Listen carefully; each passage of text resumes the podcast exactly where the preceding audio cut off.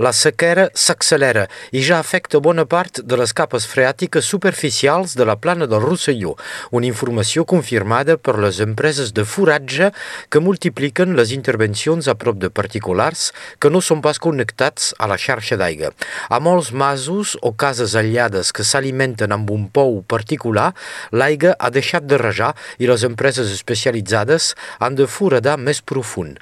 La demanda es va multiplicar per 10 en les últimes setmanes, segons els professionals. La sequera encara. Dissabte passat va començar la campanya de pesca als rius. La Federació de Pesca mira de pal·liar els efectes de la manca d'aigua amb el desplaçament de molts peixos, molt sovint riu amunt. Els cabals de tots els rius de Catalunya Nord han disminuït força. Davant d'aquesta situació, la prefectura podria prohibir la pesca en alguns rodals. La qüestió segurament serà plantejada arran del proper comitè de sequera previst dimarts que ve. Les estacions d'esquí de les neus catalanes van conèixer un mes de febrer històric amb un record de freqüentació durant les vacances escolars. Febrer permet, doncs, de recuperar un mes de gener gairebé sense neu. Les estacions de les neus catalanes han venut aquest hivern un milió de forfets d'una jornada. És un poc menys que la temporada passada. L'any que ve marcarà una etapa delicada pel sector. L'hivern 2023 esquiar sortirà més car. Les estacions repercutiran el sobrecost energètic amb una pujada del preu del forfet.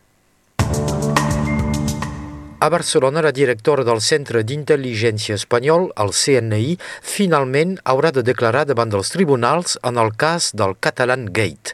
Sobre aquest cas, el Parlament Europeu va redactar un informe en què apunta al govern espanyol com a responsable de l'espionatge a l'independentisme a través d'un programa espia batejat Pegasus.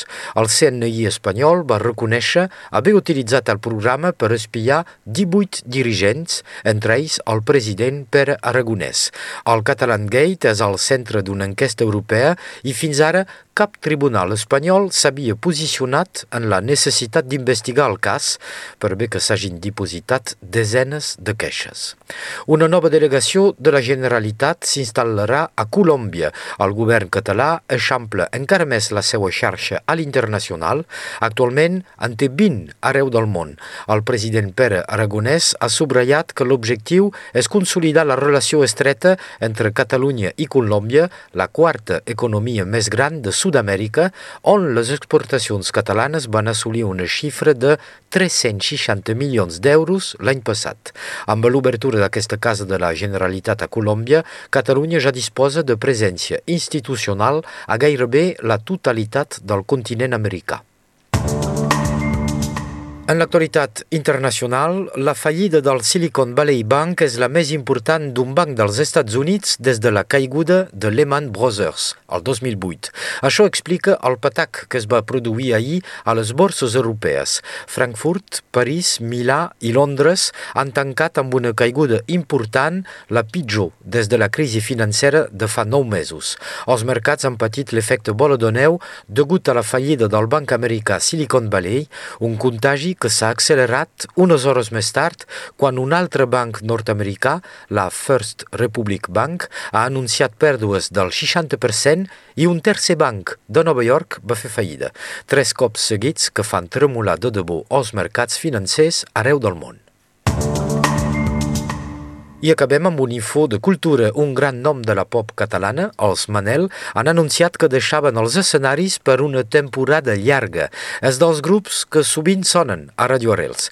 Els Manel van guanyar el Premi Joventut del concurs Sono Nou el 2007 i el mateix any van aconseguir un èxit immediat amb el primer disc Els millors professors, és editat al segell Disc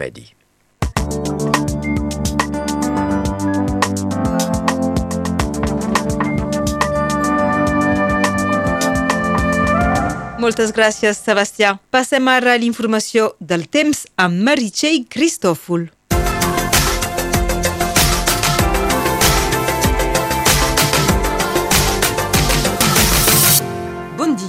A avui el vent torna i s'intensifica. A la vora del mar, les ràfegues màximes bufaran a 65 km per hora. Es preveu també una forta humitat avui. Aquesta tarda se cal esperar possibles ruixats a la plana del Rosselló, pujant també cap al Conflent i del costat del Vallespí. La neu hauria de s'invitar a Cerdanya i al Capcí a finals de tarda. Pel que fa a les temperatures, aquestes són una miqueta a la baixa si comparem amb la diada d'ahir. No obstant això, les màximes continuen sent per sobre de les normals per la temporada. Es preveu 16 graus a Perpinyà i al Boló, 14 a Sant Llorenç de la Salanca, a Illa i al Barcarès, 12 graus a Espira del Conflent, 7 a Sayagosa, 4 a la Llagona i 3 graus a Puigbalador. Aquesta tarda el sol es pondrà a les 6 hores i 53 minuts i avui celebrem Santa Matilda.